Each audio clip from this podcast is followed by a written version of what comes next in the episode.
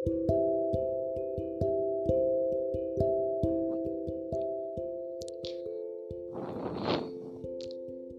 sih yang lebih menyenangkan dari kenyataan bahwa kita mampu berdiri di atas puing-puing kehancuran? Kali ini aku mau nanya, pernah gak sih kalian meratapi hidup yang sedang kalian jalani karena ketidakberdayaan keluarga kalian? Aku pernah meratapi hidup yang aku jalani karena ketidakberdayaan keluargaku. Aku pernah marah kepada keluargaku, pada orang tuaku, perihal keadaan keluargaku yang tidak menyenangkan. Aku pernah menyalahkan Tuhan. Aku hampir terjerumus ke ruang yang menyedihkan. Seiring berjalannya waktu, aku menyadari bahwa hidup yang aku jalani sangatlah berharga. Bagaimana mungkin aku merusak kehidupanku?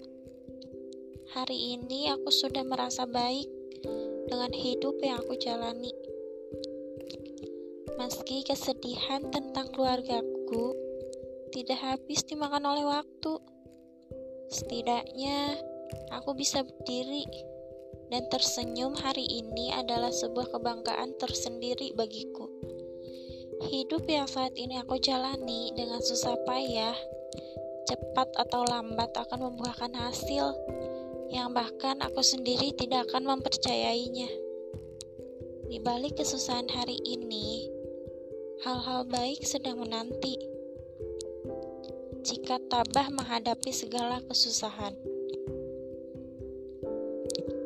Jika hari ini aku banyak berbicara tentang hidup yang rumit, itu karena aku tidak ingin jatuh tersungkur di ruang kesedihan. Masing-masing dari kita berhak bahagia. Meski tumbuh di keluarga yang patah, aku gak akan mudah menyerah. Jika aku lelah dengan kehidupan, aku bersedih sewajarnya. Namun, Aku tidak akan melakukan hal-hal yang bisa merusak diri dan merampas kebahagiaanku. Masing-masing dari kita berhak bahagia. Iya kan?